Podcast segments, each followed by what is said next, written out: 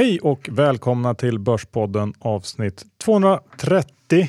Jämnt och fint. Jajamän, med John Skogman. Och Johan Isaksson, ännu ett sånt här eh, Karlavagnsavsnitt inspelat på kvällen den 16 januari. Ja, 2018, nytt år, nya möjligheter att göra bort sig. Mm, det har vi redan lyckats med, men mer om det snart. Eh, vi har en huvudsponsor i IG Markets och vi har pratat med Erik där för att få reda på hur han letar efter case. Lyssna här. Ja, e- eftersom jag bevakar många olika marknader så blir det mer ett uh, top-down perspektiv där jag kollar på de breda rörelserna. Jag kollar på, kollar på centralbankspolitik, uh, valutor, råvaror, bolagsvinster, sentiment och uh, värderingar. Sen screenar jag marknaden utifrån olika tekniska villkor. Och det här brukar jag då göra på, på daglig basis i ett program som heter Pro Realtime. Och då kan man screena efter aktier som har brutit upp från botten eller toppfaser. Man kan screena efter aktier som Eh, har ovanligt hög volym senaste dagarna och så vidare. Så det, det är så jag jobbar, eh, kort sagt. Bra tips av Erik där, eller hur John? Ja, det var det verkligen. Och eh, kom ihåg att följa honom på Twitter och Instagram, för där delar han med sig av dem. Ja. Du John är precis hemkommen ifrån USA. Känner du dig pigg och fräsch eller är du jetlaggad? Ja, men det är klart, en 12 timmars flygning från Miami är ju lite svettig, men jag känner mig ändå oförskämt bra, så jag hoppas kunna leverera lite USA-anekdoter till er där ute. Ja, för det kommer det bli och dessutom en hel del vinstvarningsbolag och mycket, mycket mer. Men innan vi kör igång så har vi en helt ny sponsor att presentera. Lysa. Ja, det är ju väldigt roligt att de är med oss på Börspodden. Ja, för det är ganska mycket snack om robotrådgivning just nu och eh, det här är en tjänst som vi eh, själva tycker är väldigt bra. Eh, och Lysa är då en digital portföljförvaltningstjänst som investerar i billiga indexfonder åt dig. Portföljerna som kunderna får är konstruerade med modern portföljteori och de här byggstenarna man använder är bland annat eh, Vanguard ETFer, vilket ju är fiffigt och eh, bra eftersom det är svårt för för eh, oss att köpa dem numera. Men genom Lysa så får man tillgång till dem och den totala avgiften för den här tjänsten som Lysa erbjuder, inklusive då underliggande produkter, ligger på under 0,4 procent. Och eh, det här tycker jag är en väldigt bra tjänst att eh, rekommendera till sin mamma och pappa kanske som är möjligtvis inte lika intresserade som ni som lyssnar på Börspodden eh, av aktier. Ja, det kan man verkligen göra och jag tycker också man ska testa den själv för den är ju faktiskt väldigt bra. Ja, precis. Och eh, tycker man att det låter intressant så kan man gå in på lysa.se börspodden. Då får man eh, upp till 20% rabatt i tre månader på den här tjänsten, vilket inte är så dumt. Nej, mycket bra. In på lysa.se snedstreck börspodden. Nu rullar vi dagens avsnitt. Johan, doktorn Isaksson, index är 1620 och eh, Ja, den har ju varit rätt eh, stark får man ändå säga. Vi har haft eh, många, många dagar av uppgång. Ja, det här julnissarallyt kom efter nyår och det känns ju verkligen som att vi är i den här upp, omtalade melt-up-fasen just nu, eh, framförallt i USA kanske. Eh, det här är faktiskt den längsta uppgångssviten för S&P utan en 3-procentig korrektion någonsin. Eh, ganska överlägset dessutom och under den här veckan så kommer vi också ta rekordet för den längsta uppgångsfasen utan en 5-procentig korrektion någonsin. Eh, och samtidigt så har ju också den här eh, amerikanska räntorna, eller tioåringen, ännu en gång varit uppe på den här 2,6-procentsnivån. nivån eh, som den touchade tidigt under, under 2017 och som till exempel Bill Gross eh, haft som någon slags eh, nivå att hålla koll på. Ja, den avdankade gamla gubben. Mm, eh, men hur som helst, stigande räntor och eh, rusande börs eh, är ju inte riktigt eh, något som går ihop så att vi får väl, det kan väl helt enkelt vara bra att hålla koll på räntemarknaden framöver tycker jag. Ja, det, så är det också intressant hur många av de svenska preffarna som varit nedtryckta har gått upp trots att eh, även de svenska räntorna har gått upp. Mm.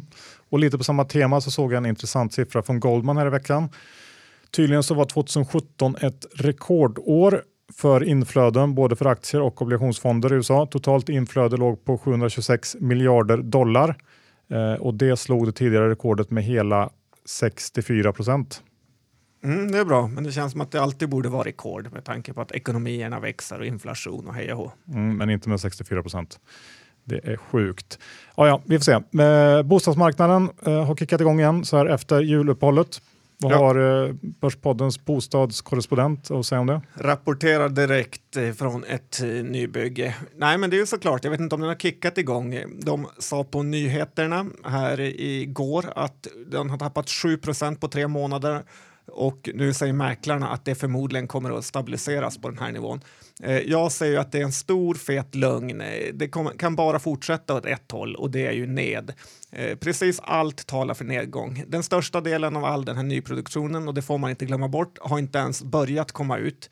Räntan kommer i alla fall inte att gå ned och den kommer absolut inte att vara på minus eh, för alltid. Och sen har vi de här olika amorteringskraven som inte heller börjat eh, synas egentligen.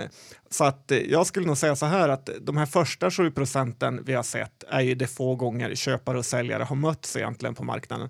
Den större delen av läget lägenheterna och villorna är osålda och när de tvingas säljas vid till exempel skilsmässa, dödsbon med mera så kommer vi få se ännu mer prisfall. Man kan tänka sig lite att bostadsmarknaden är som en upptickad börsportfölj. Den ser bra ut, men det finns inte en chans att eh, man skulle kunna kränga iväg alla sina aktier till eh, senast betalt.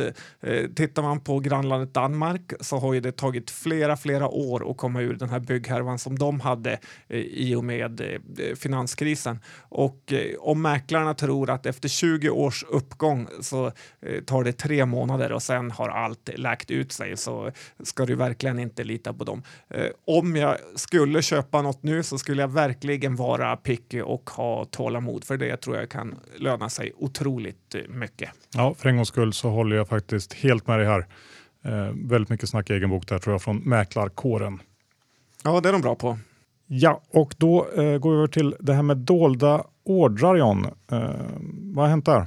Ja, det är ju i samband med Mifid 2 och nu måste minsta beloppet eller orden vara 100 000 svenska riksdaler om man ska stå dold. Eh, så lite av poängen med att stå dold försvinner ju om man vet eh, beloppet innan, i alla fall minimumbeloppet. Eh, jag gissar att det här är ännu en eftergift för robothandlarna eftersom det här med dolda order har ju försvårat för dem. Eh, det som är mest irriterande är ju att om du till exempel lagt en order på 100 000 kronor dolt eh, och sen köper någon av dig lite aktier och sen vill du flytta den, då går inte det utan då måste du ta bort den order du har och lägga in en ny. Så att det är fruktansvärt uselt eh, system de har infört här. Dessutom är det ju tidskrävande att hålla på och fippla så där för en manuell person. Men jag gissar att Mary Lynch tackar och tar emot. Det gör de säkerligen. Och på tal om Mary Lynch, du har ju varit i USA och jag antar bara att du har lynchat där. Ja, men det kan du hoppa upp och sätta dig på Johan, som de brukar säga. Eh, Jag var i Miami i fyra dagar och sen i Karibien på en åtta dagars kryssning. Så jag har rätt mycket grejer jag kan eh, briefa dig med om du vill höra dem. Mm, jag är hemskt, hemskt nyfiken. Så. Och eh, för det första kan jag säga att det kommer ju dröja väldigt länge innan jag åker till USA igen faktiskt. De här säkerhetskontrollerna har ju blivit helt vansinniga sedan eh, Trump tog över. För att komma in i landet blir man fullständigt förnedrad av någon minimum wage eh, snubbe som ställer 30 frågor om vad man ska göra, ska bo, åka hem, vad man jobbar med, vilka intressen. När han fick höra att jag jobbar med börsen så fick jag fyra följdfrågor om vad han skulle köpa, vad som var billigt, vad som är dyrt. Och eh, egentligen vill man ju bara säga något extremt spydigt till de här, men eh, att han inte ska köpa någonting för att det finns liksom en anledning till att han sitter här och ställer samma frågor 400 gånger om dagen. Men istället så får man låtsas om som att man tycker han verkar smart. Eh, även sådana här alla evenemang de har där är det ju otroliga säkerhetspådrag på. Jag var och tittade på basketlaget Miami Heat eh, och där fick man ju också stå i kö i kanske 20-30 minuter för att eh, bara komma in. Eh, Det borde ju vara bra för de här säkerhetsbolagen som bara får mer och mer att göra efter alla eh, nya regler som kommer. Eh, hittar man något litet bolag med någon uppfinning som kan reducera personalen tror jag det kan bli en riktig hit. För eh, man får komma ihåg att ofta är den egna personalen också ett eh, stort hot. Eh, För flygbolagen känns det här också som en väldigt negativ grej med all säkerhet. För det måste vara otroligt dyrt att hålla på med all den här säkerheten hela tiden. Nya idéer med bodyscan och skor och det tar evigheter att bara komma igenom kontrollen. Mm, ja, men bra, jag, jag kan helt klart köpa den spaningen. Bra. Eh, jag vet inte hur man ska tjäna pengar på det riktigt, men eh, en spaning är alltid en spaning, Johan. Mm. I övrigt så går ju USAs ekonomi väldigt, väldigt eh, bra. Jag snackade med en gubbe som ägde sin egen lastbil och nu hade han tagit tre månader ledigt för att kryssa runt och sen hänga i Mexiko en längre period. Han sa att han var fullbokad och skulle kunna jobba hur mycket som helst och att även hela 2018 såg väldigt bra ut. Eh, och man får komma ihåg att alla eh, som är på en sån här kryssning är i princip mega Trump-fans. Så de trodde allihop på four more years. Eh, han berättar också om att alla lastbilschaffisar använder något som heter Siri som är typ kabel-tv fast för radio. Eh, det här bolaget är noterat i USA och har kortnamnet Siri. De livesänder all sport, talkshower och kör CNBC och CNN i radio. Lite som EFN eh, Podcast. Eh, vad tror du börsvärdet är för ett sånt här bolag i USA, Johan? Ja, det är väl några miljarder dollar. Ja, 25 miljarder dollar eh, och de växer ju på väldigt bra dessutom. Man betalar ungefär en hundring i månaden för det här abonnemanget och eh, Sirius tillväxt hänger också mycket ihop med nybilsförsäljningen då många som köper en ny bil eh, vill ha den här eh, typen av eh, radio. Eh, P-talet är kring 30 men de har ett bra kassaflöde. Såna här, så multiplarna med cashflow såg jag när jag tittade rapporten var kanske kring 20. Så att, eh, lite spännande bolag. Eh, sen måste vi ändå prata om det här kryssningsbolaget jag åkte med. Mm. Eh, tickern är RCL, vi har pratat om det förut, men det är Royal Caribbean Cruise Line och de har ju så extremt lojala kunder. Folk åker gång på gång på gång på gång och eh, träffar flera amerikaner där som har åkt över hundra gånger på sådana här olika kryssningar. Så att de orkar knappt gå av båten för de har sett eh, St. Kitts och St. Martins eh, ja, oändligt många gånger. Och då antar jag att medelåldern var ganska hög. Medelåldern var ganska hög och jag sänkte den eh, för en gångs skull. Kul. Eh, ja, och eh, det som också är kul eller intressant tycker jag att de här kryssningsbolagen är ju alla har P-tal under 20 och de har bra tillväxt. Jag tittade lite på Royal Caribbeans rapport och om man tänker på procenten som har åkt med kryssningar i USA så är det kring 3 och Europa under 1,5. Så att det finns ju väldigt, väldigt mycket mer tillväxt att hämta jämfört med till exempel charter. Eh, och jag ger nog ändå en kryssning mycket högre betyg än en vanlig charter. Man får se lite ställen, man får eh, testa några olika eh, platser, men ändå har man sin hytt. Och med svenska mått, mått, eh, mått mätt heter det, är ju servicen helt otrolig. De städar rummen flera gånger per dag och man har sin egen serveringspersonal. Eh, dock så är ju belåningen i de här bolagen rätt ordentlig eftersom varje skepp tar emot uppemot 5 000 passagerare och har över 2 000 i personalen. Så att de är inte gratis att bygga Eh, vårt eh, skepp, det här Freedom of the Seas hette det, var byggt i Åbo och hade verticellermotorer, sa kaptenen. Så det är kul att vi skandinaver kan leverera. Eh, så vill man ha en bra investering inom turism så tror jag verkligen på de här kryssningsbolagen kan ha framtiden för sig. De tre största bolagen i USA är ju Royal Caribbean, Norwegian Cruises och Carnival heter de tre och alla är noterade i USA. Ja, men fint, bra. Då kan man kika lite på dem om man är intresserad. Eh, har du någon avslutande spaning? Det är klart eh, har Johan, jag har knappt börjat. Är du otålig? Ja, lite. Ja, kul. Eh, sen har den här premium marknaden i USA växt och eh, jag var och testade Shake Shack eh, såklart, men de har också tuff konkurrens från andra kedjor som till exempel BurgerFi heter de och Five Guys och eh, jag provade alla, men Shake Shack får ändå ett hög, det högsta betyget och köerna dit var riktigt, riktigt långa. De tar också väldigt bra betalt. En burgare kostar ungefär 10 dollar och de säljer öl och vin med.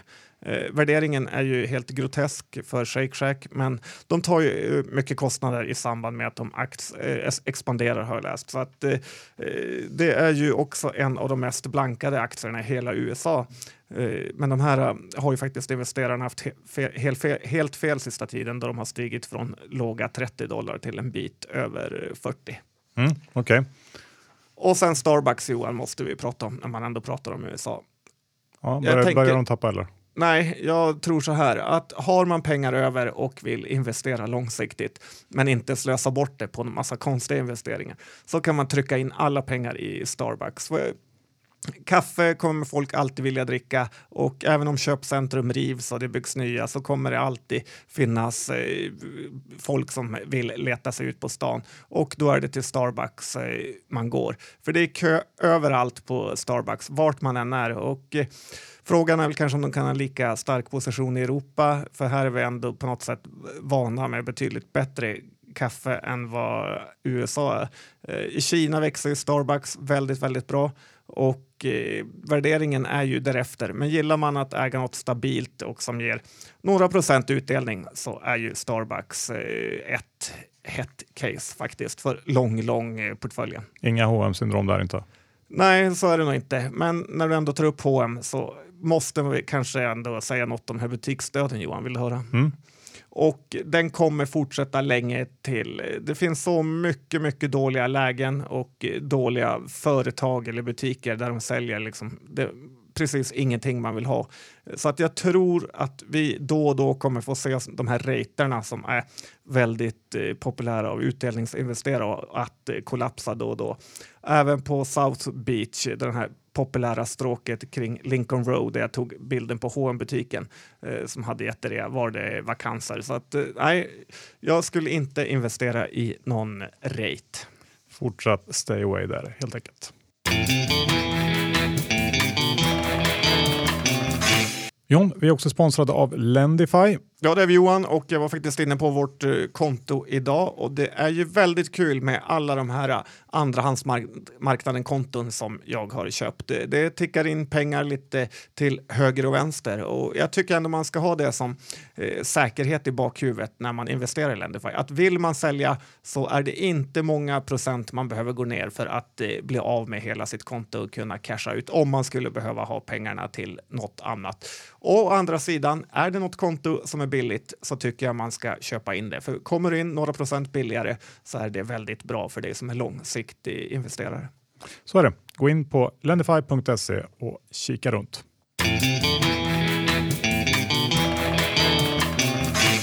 Okej John, då är det dags att snacka lite om bolag. Eh, jag har skrapat ihop ett vinstvarningssegment eh, som jag tänkte vi kunde börja med. Det är ju väldigt mycket vinstvarningar nu, eh, eller har varit de senaste veckorna. Eh, vi har haft NCC Munters och nu bara sista dagarna Edgeware, Scandic, eh, NetEnt, Billerud, eh, Metso i Finland, Tikkurila i Finland, eh, ja, med mera. Stockman tror jag i Finland. Eh, spontant helt enkelt så känns det som väldigt många vinstvarningar och att de är spridda över ganska många olika branscher. Jag vet inte om det är bolagsspecifikt i alla fall eller om eh, man ska vara lite orolig inför börsen generellt. Men eh, ja, har du någon, någon spaning där generellt? Vad tror du? Nej, man får inte känslan av att det är en högkonjunktur när det är vinstvarningar varje dag och som idag flera stycken på en enda dag. Så att, eh, jag är definitivt orolig och absolut mest bitter blir man ju när det drabbar en själv. Mm. Och då kan vi väl börja med det. Netent helt enkelt som både du och jag ägde in i den här vinstvarningen. Och eh, de... ja, jag har sagt flera gånger att jag ska fakturera dig för kostnaderna och det kommer en 100k på posten till dig Johan. Mm, gissningsvis så kommer den inte kunna täckas efter dagen. Nej, men eh, NetEnt släppte sin vinstvarning här tidigt i morse och kan ju tillägga här att jag inte känner mig ett dugg gladare för det än om de hade släppt den jättesent igår kväll. Eh, bara så att ni vet. Eh, men i alla fall, tillväxten sakta in till ungefär 5% under Q4, vilket var nästan i linje med vad eh, DNB trodde på. Så hatten av där. Eh, jag tror de trodde på 6% och sånt. Och ja, det är svårt att säga var konsensus egentligen låg här eftersom många sänkt sina estimat de sista veckorna bara. Men gissningsvis låg marknaden någonstans kanske 12 jag vet inte, i tillväxt. Eh, ebit hamnar på ungefär 150 miljoner kronor. En klar besvikelse det också såklart. Och, eh, NetEnt har ju dragit sig ur ett antal marknader i väntan på reglering, vilket förklarar en del av den här lägre tillväxten, cirka 3% enligt vd. Men justerar man för det så hamnar man ändå bara kring 8 och det är eh, en klar försämring mot tidigare. Eh, jag lyssnade på, på um, konfan och eh, man poängterar också att eh, det har tagits en hel del kostnader för att möjliggöra högre tillväxt framgent. Till exempel så kommer man att höja utgivningstakten av nya spel eh, från 14 stycken under 2017 till 20 stycken 2018. Ehm, och summerar man helåret 2017 nu så hamnar vi kring 10% i såväl omsättningstillväxt som vinsttillväxt. Eh, och utdelningen eh, väntas ligga kvar på minst samma nivå som under 2016, det vill säga 2,25 kronor per aktie eller mer. Då. Och då är frågan vad man ska tro om eh, 2018. Vi har en marknad underliggande som väntas växa någonstans 68 procent, alltså kasinomarknaden för, på nätet. Och bolaget har 30 kunder som väntar på att driftsättas och då ska man också fakturera in här att, um, att uh, Nettan kommer att öka utgivningstakten av nya spel med nästan 50 procent. Eh, uh, vd sa på telefonkonferensen att deras live-casino uh, går riktigt bra, att man legat kring tresiffrig tillväxt där. Lite oklart vilken tidsperiod han menade. Uh, men när jag räknar på det här med relativt försiktiga antaganden så får jag ändå det till att det inte borde vara några jättestora problem för NetEnt att nå en tillväxt på ungefär 15 procent eh, 2018, eh, vilket i så fall skulle ge ev-ebit 15 för innevarande år.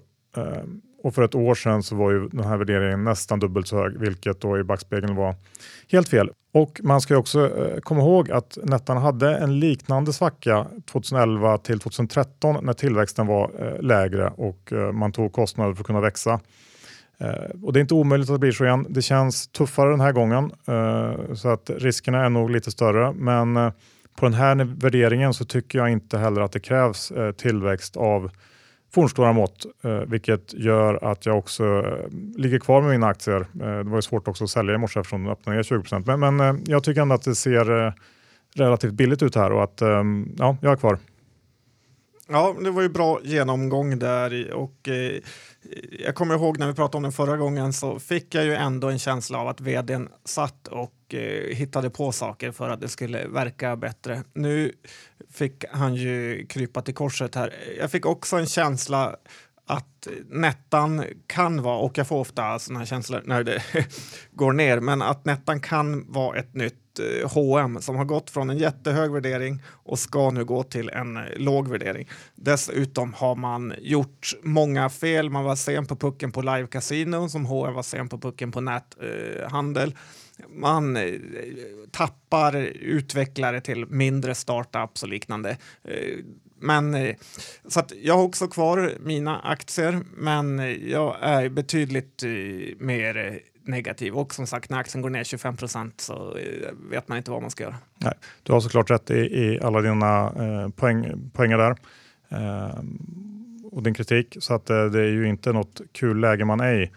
Eh, och om jag ska säga någonting som jag tycker så är det väl också att vdn inte gav något eh, jättekul intryck under den här telefonkonferensen. Kändes rätt, eh, ja, ingöt inget, inget förtroende eh, inför framtiden egentligen. Men Uh, ja, vi, vi, får se vad som händer. Jag uh, väljer ändå att tro att det är lite för negativt i marknaden nu efter det här.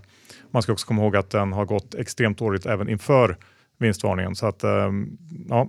men, men, vi All lämnar... forskning säger ju att eh, man ska köpa när förväntningarna är som lägst. Det är då man kan få eh, högst avkastning. Så att, eh, och just nu känns de ganska låga, så att det kan i alla fall vara en positiv grej. Alltid något. Vi går över till ett annat bolag som vinstvarnade i morse, Scandic. Eh, orsaken här var Stockholmsrelaterad. Hotellkapaciteten har ökat mer än efterfrågan, säger eh, bolaget. Och, eh, samtidigt har man då inte kunnat justera kostnaderna i samma takt, vilket resulterat i ett väsentligt vinsttapp Eh, och givet att vi knappast är inne i en jättetuff konjunkturell situation i Stockholm så blir man ju lite mörkrädd när man funderar på hur det skulle kunna se ut i ett sämre läge tycker jag. Det är väl min spontana reaktion på Scandic. Ja, det var ju lite synd om den här uh, Handelsbanken-analytikern som gjorde ett career ender move genom att höja Scandic till köp eh, bara några dagar innan den här vinstvarningen. Och eh, jag håller ju med, hur vinsten bara kan kollapsa så där är ju väldigt otroligt. Men en sak som jag tänker på är ju att det här bolaget har ju en ny vd på posten och eh, när han tittade igenom hur det såg ut så kanske det en, har inte kokats men ändå liksom sjudit heter det väl innan det började koka Johan.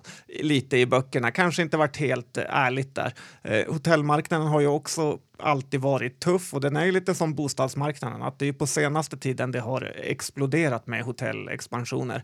Eh, det ena steker efter det andra och eh, Scandics bread and butter har ju alltid varit de här riktigt, riktigt skabbiga vita tegelbyggnaderna som eh, ser ut som ett eh, kommunhus i Pajala. Men eh, så på senare tid har de försökt skola om sig till att komma upp några klasser.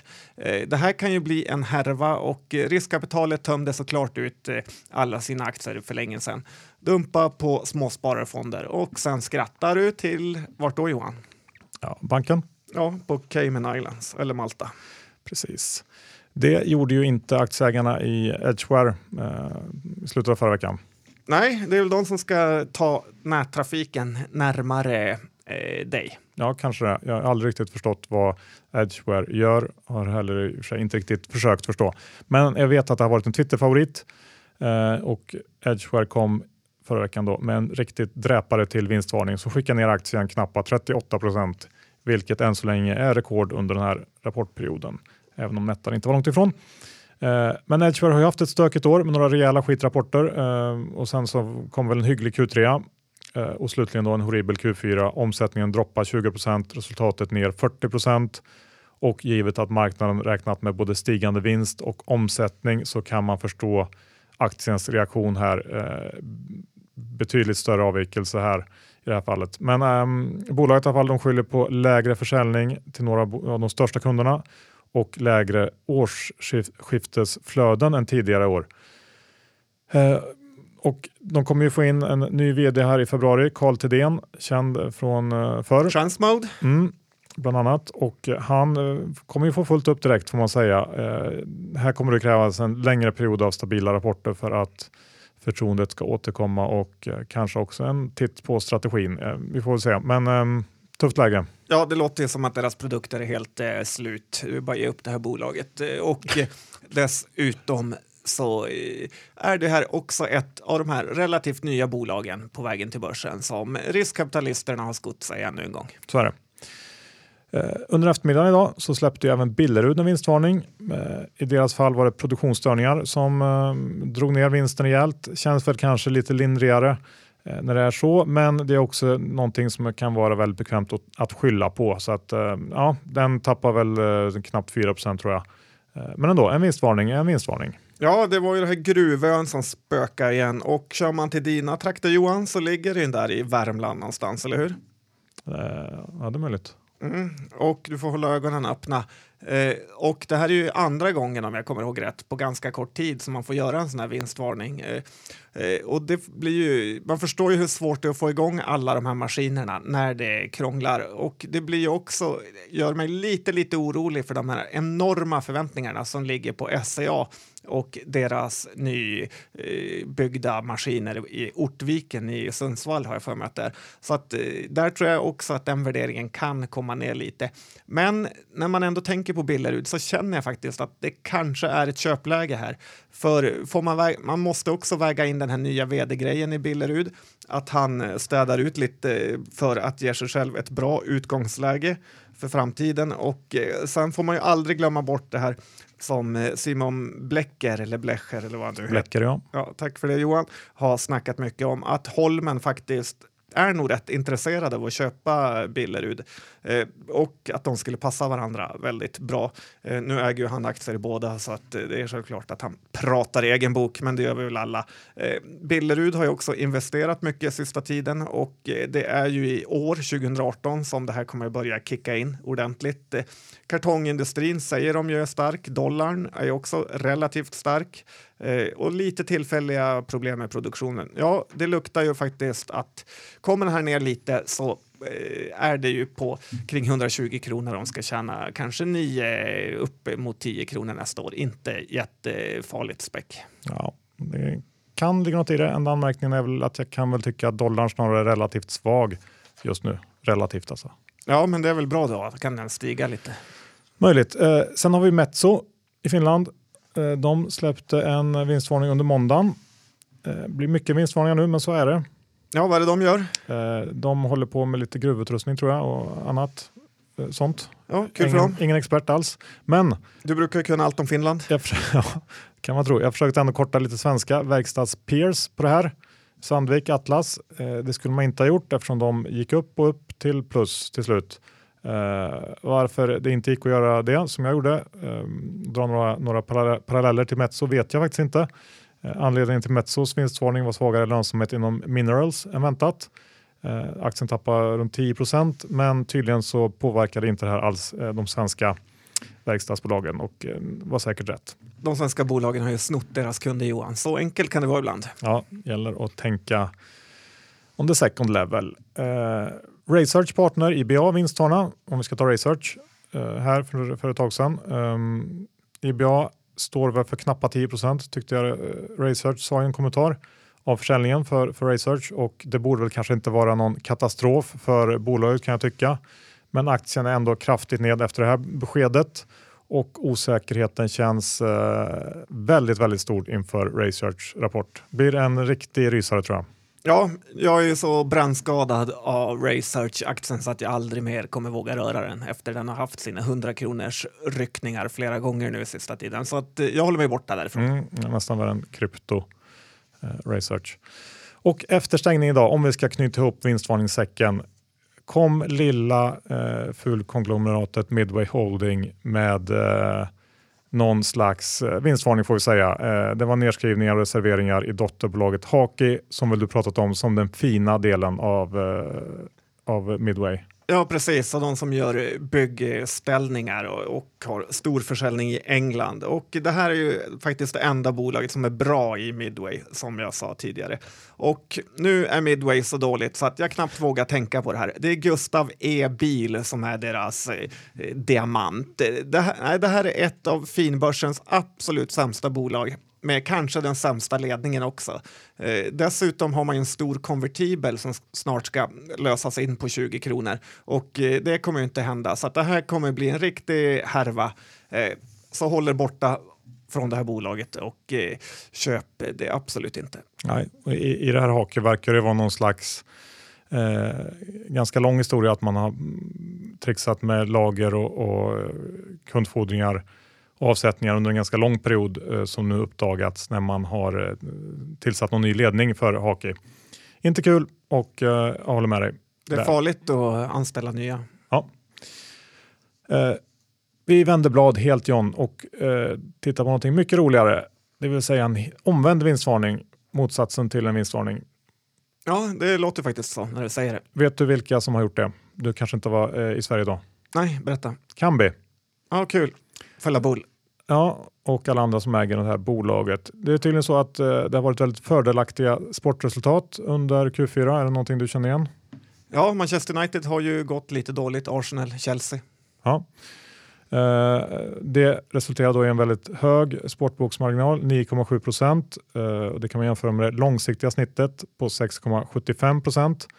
Och Ehm, Kambi spår att intäkterna kommer hamna i intervallet 18,8 till 19,2 miljoner euro. Det är inte så mycket högre än förväntningarna, men vinsten skjuter eh, upp rejält tack vare hävstången i affärsmodellen. Och spontant kan jag tycka att kvaliteten i den här omvända vinstvarningen är av eh, lägre rang eller lägre sort eftersom det helt enkelt är ett resultat av att man haft tur med eh, Eh, matcherna under kvartalet. Eh, några dagar efter den här vinstvarningen så meddelar också Svenska Spel att man har valt, valt brittiska Sporting Solutions som leverantör av sportbok. Det tycker jag väl jag känns som en ganska rejäl prestigeförlust för Kambi och jag trodde att det skulle få aktien att tappa en hel del. Men så blev det inte. Det var några procent ner. Kambi står över hundralappen nu fortfarande och givet då eh, den låga kvaliteten i vinstvarningen och att Den man omvända. Ja, och det här med Svenska Spel så tycker jag att det kan vara läge att vara lite mer försiktig kan bli framöver. Eh, nu krävs det nog ett gäng nya kunder under eh, Q1 för att aktien ska stanna kvar på de här nivåerna, vilket i och för sig inte är orimligt, men ehm, ja, ribban har höjts helt enkelt. Ja, ändå kul att se att deras modell fungerar. Ja, skönt. Och John, ska vi avsluta med någonting om Karo Pharma? Ja, det har ju varit lite av en snackis här. Nyårscase och emissionscase som har ju faktiskt en av de få saker vi har pratat om som har gått eh, bra. Eh, och nu har det visat sig att EBM missade att Lönder gjorde några hundra millar från ingenstans i Meda och nu vill de ta sin revansch. Jag känner väl ändå att det här är kanske lite av en game changer för Karo-caset och har därmed eh, sålt eh, större delen av mina aktier där idag faktiskt när jag börjar fundera för det här. För det är ju väldigt stor skillnad tycker jag på Lönner och eh, till exempel eh, Rolén i min bok. För efter hur Lönner trasade sönder Wasmia eh, för sin egen räkning vi har ju Meda-budet och eh, nu är det också något lite halvlurt på G. Så ja, man vill ändå vara lite försiktig när det gäller honom. Eh, för att om han nu skulle bli åtalad så kan det ändå minska aptiten för att andra investerare vill äga Karo. Eh, för om han skulle tvingas bort eller kanske tvingas bort av någon anledning. Och då vill man ju, när han har byggt det här helt ur sitt eget huvud, verkligen inte äga Karo.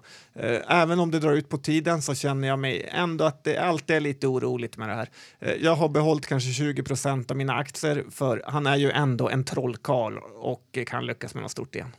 Ja, jag eh, var nöjd med avkastningen så jag har faktiskt sålt den lilla skvätt jag köpte. Men tack för det John, det var ett bra tips. Varsågod.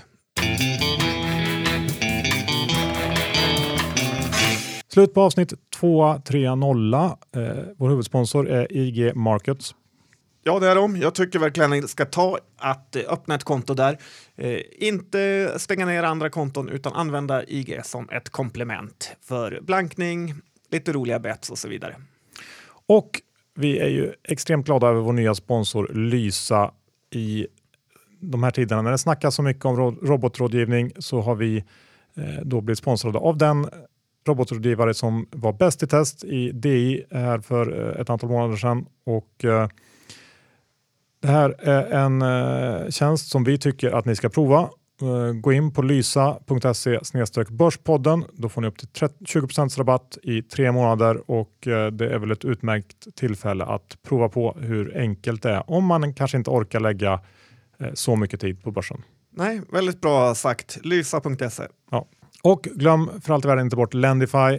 Andrahandsmarknaden är fenomenal. Det går att komma in och ur eh, låneportföljer på ett väldigt smidigt sätt.